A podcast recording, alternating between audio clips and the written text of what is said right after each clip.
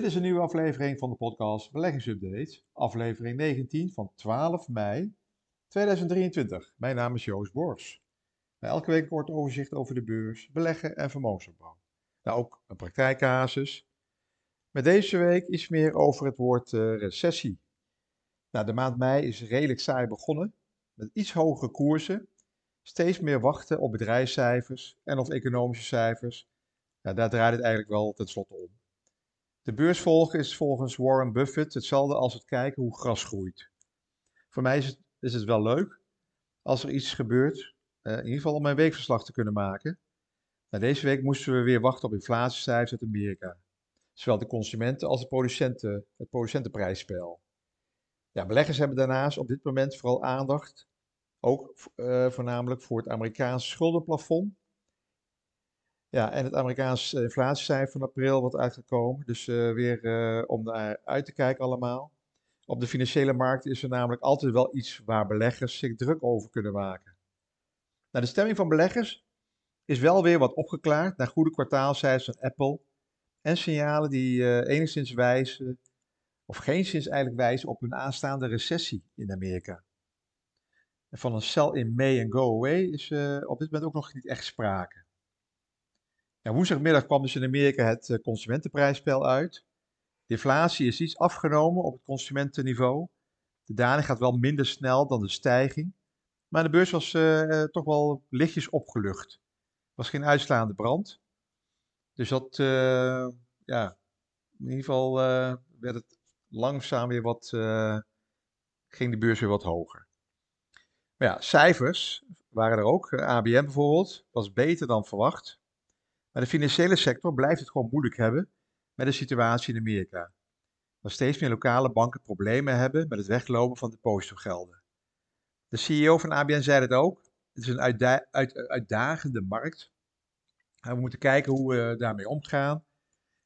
de spaarders bij ABN krijgen natuurlijk nog steeds erg, uh, een erg laag tarief. En sommige concurrenten in Nederland zitten al op 2%.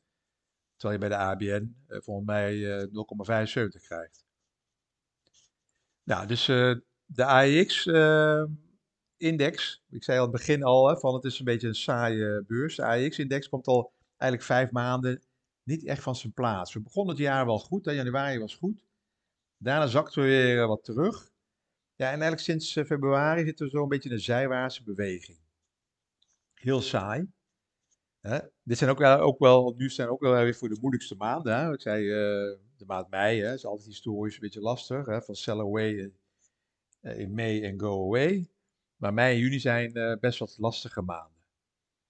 Nou, de bedrijfscijfers tot nu toe zijn, wat we nu tot nu toe zien, best oké. De Rabobank heeft daar een onderzoek gedaan. De mix van gerapporteerde en verwachte jaar op jaar winstgroei van bedrijven in bijvoorbeeld de Europese Stoxx 600-index staat nu op 2% voor het eerste kwartaal. Voor de Amerikaanse beurs is dat uh, min 1,4%. Eh, de verwachting was bij aanvang van het cijferseizoen uh, ongeveer min 5 tot min 6% voor de Amerikaanse beurs. Dus die min 1,4 valt alweer mee. Ja, dat is qua bedrijfscijfers, hè, dus lager dan verwacht. Nou, ruim 70% van de 130 Europese bedrijven die cijfers hebben gerapporteerd, versloegen de verwachtingen. Maar dat eigenlijk ongeveer zo'n 53, 54 procent is.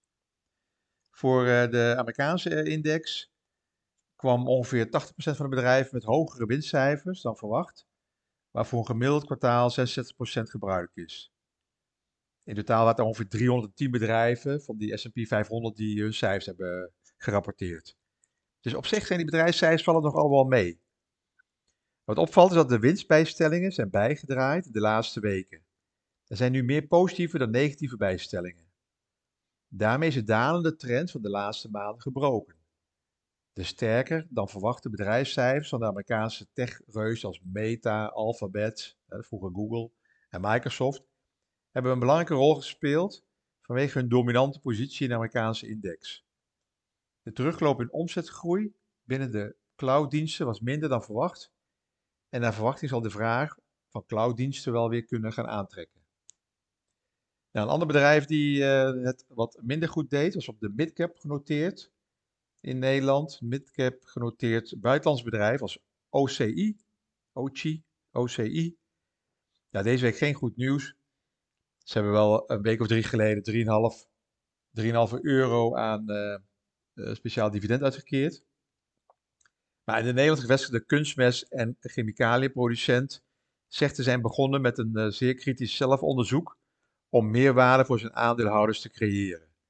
De allesomvattende evaluatie betreft eveneens de eigen notering aan de, Amerika aan de Amsterdamse effectenbeurs.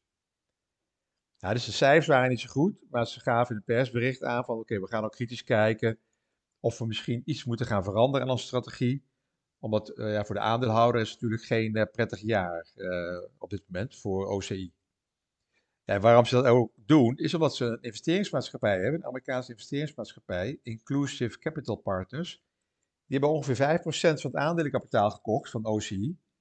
En die wil dat OCI zijn strategische opties onderzoekt, waaronder onder andere de verkoop van bedrijfsonderdelen. Ja, Inclusive Partners dringt erop aan om onderdelen die aantrekkelijk kunnen zijn, bijvoorbeeld voor de olie- en gasbedrijven, die zich meer willen gaan uh, toeleggen op duurzame energie. OCI zou over de technologie beschikken om ammoniak en op methanol gebaseerde brandstoffen koolstofvrij te maken. Ja, in ieder geval, beleggers zijn teleurgesteld, ondanks het hoge dividendrendement van nu nog steeds zo'n 6, 7 procent. Uh, en het, uh, wat ik al zei, in maart hebben ze een extra dividend van 3,5 euro uitgekeerd. Noteert het aandeel in Amsterdam rond de 22 euro. En vorig jaar was het hoogste niveau 44 euro. Nou ja, dus zo kan het verkeren. Maar er zijn natuurlijk meer van dit soort bedrijven die het even uh, moeilijk hebben. Het zit natuurlijk in een afname-economische groei. in, uh, OCI zit in, in landbouwproducten, kunstmest, grondstoffen. Dus dat is natuurlijk ook op dit moment niet de handel waar je in zou moeten zitten. Maar ja, misschien wordt het wel interessant als die, de aandeelhouders OCI dwingt het bestuur dwingt om tot een opsplitsing over te gaan. Of het aandeel gewoon van de beurs af te halen tegen een aantrekkelijke prijs. Ja, ik zei afname economische groei. Je leest gewoon elke dag in de kranten. Zitten we nou in een recessie? Hoe lang duurt een recessie? En wanneer spreken economen van een recessie? Nou ja, volgens uh, Investopedia is de definitie, volgen velen een definitie van recessie dat twee op één volgende kwartalen een negatieve economische groei, afname van het binnenlands bruto product. Ja, een, een recessie is een, eigenlijk een aanzienlijke, aanhoudende en wijdverspreide krimp van de economische activiteiten. Amerikaanse recessies zijn de afgelopen decennia korter en minder frequent geworden. Recessies worden meestal voorafgegaan door monetaire en budgettaire verkrapping en leiden vaak tot omkering van dat beleid. Nou, dat zie je dus op dit moment uh, gaande. Hè? Dus een verkrapping, hogere rentes, minder uh, aankoopobligaties, minder gratis geld verstrekken. Dus dat, uh, ja, hoe lang duurt zo'n recessie? Ja, de coronarecessie was de kortste ooit. Dat duurde maar nou, een paar maanden. Terwijl de grote recessie van 2007, 2009, nou, die duurde gewoon bijna twee jaar, anderhalf, tweeënhalf jaar. De diepste was sinds de neergang in 1937, 1938. Dus uh, 2007, 2009 was echt een echte grote recessie. Nou, de belangrijkste reden die bepaalt hoe lang de recessie zal duren, hangt eigenlijk af van de dip waarmee een land wordt geconfronteerd in zijn eigen binnenlands bruto nationaal product. Hoe meer er een dip is, hoe groter de recessieperiode. Het herstel van een steile daling zal namelijk geruime tijd in beslag nemen. Dus als je echt behoorlijk lang blijft afglijden neerwaarts, dan duurt het ook wat langer om weer uh, eruit te komen. Dat zag je ook in 2007, 2009. En eigenlijk daarna had je nog in uh, Europa een hoop met die schuldencrisis. Hè, met, misschien weten jullie het nog wel, Griekenland die onderuit ging, Portugal, Spanje, die moesten allemaal gered worden. Dus, maar ja, uh, recessies, het goede nieuws in ieder geval, ze, ze, duren niet eeuwig. het houdt een keer op. Laten we eens nader bekijken hoe lang recessies duren. Nou, volgens data duurde de gemiddelde Amerikaanse recessie ongeveer 17 maanden, gemiddeld. Hè? In de periode vanaf uh, 1860 tot 2020. In de periode na de Tweede Wereldoorlog, van 1945 tot 2020, duurde de gemiddelde recessie ongeveer maar 10 maanden. Nou ja, dus uh, de daling, de daling is dus te zien in een bruto binnenlands product. Uh, je ziet het dus bij uh, werkgelegenheid die af gaat nemen, het inkomen van mensen daalt, industriële productie, detailhandel heeft het moeilijk. Een soort conjunctuurcyclus, hè, periodieke expansie en krimp van de economie, die elkaar in de geschiedenis elke keer opvolgen. Als je in een recessie zit, dan kom je eigenlijk op de bodem van de conjunctuurcyclus. Dat is eigenlijk het dramadeel van de golf. Het grootste gedeelte van de economie draait dus op uitgaven van consumenten, de dienstensector. Het vertrouwen dat ze daarin hebben in de economie speelt daarbij een belangrijke rol. Is consumentenvertrouwen laag, dan doen mensen waarschijnlijk minder snel grote uitgaven. Vervolgens gaat er minder geld om in de economie, wat kan zorgen voor een recessie. Door de sterk stijgende energieprijzen nu bijvoorbeeld komen nu steeds meer huishoudens in de knel met de keuze welke uitgaven er geschrapt gaan worden. dus je moet keuzes maken met het geld dat je hebt. Dan worden de lonen allemaal weer uh, verhoogd, dus misschien dat de keuze iets makkelijker wordt, maar je zal keuzes moeten maken, want de prijzen die stijgen natuurlijk ook wel mee. Dus eigenlijk blijkt dus een soort break-even situatie zitten. Nou, allemaal sectoren die uh, door de dienstensector, alle sectoren die, eigenlijk uh, door lage uitgaven van consumenten in de problemen komen. Dat kan de financiële sector zijn, detailhandel zijn, uh, de duurzame goederen, dure kleding, vakanties, auto aankopen worden uitgesteld. Nou, een oorzaak van een recessie hoeft niet altijd in de economie te liggen. Het kan ook een oorlog zijn, natuurrampen kunnen hiervoor zorgen. Of zoals we zagen, de coronacrisis, maar die was heel erg kort. Dus er wordt een, uh, een, een, een, een, crisis kan leiden tot het, uh, het ontwrichting van het dagelijks leven. Dat ze op lange termijn ook de economie schaden. Ja, die grote recessie van 2007 tot 2009, of eigenlijk tot uh, eind 2009, ja, was het diepste en langste economische neergang sinds de grote depressie van de jaren 30, 1930. Hoge werkloosheid, dalende economische groei wereldwijd. En deze recessie werd gedeeltelijk veroorzaakt door het uiteenspatten van de hypotheekseepbel in 2007-2009, evenals complexe effecten gecreëerd bij slechte hypotheken die het financiële systeem wereldwijd in de problemen eh, bracht. Denk maar even aan het verdwijnen van Fortis Bank, Lehman Bank en de redding van ABN. De duur en diepte van recessies wordt gekenmerkt door vormen.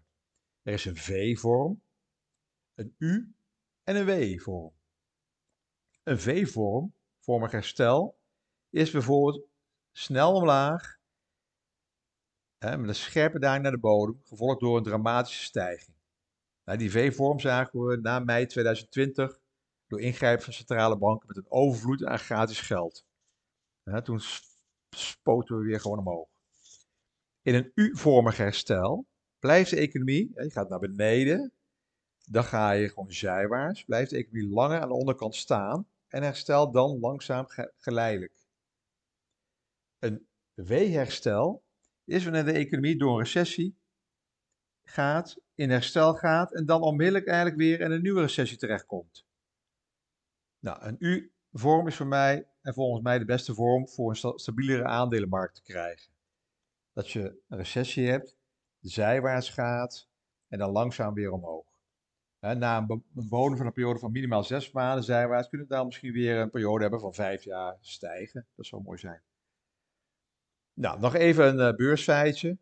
De marktwaarde van een bedrijf als Apple op de beurs is groter dan de totale marktwaarde van de Duitse beurs, de DAX.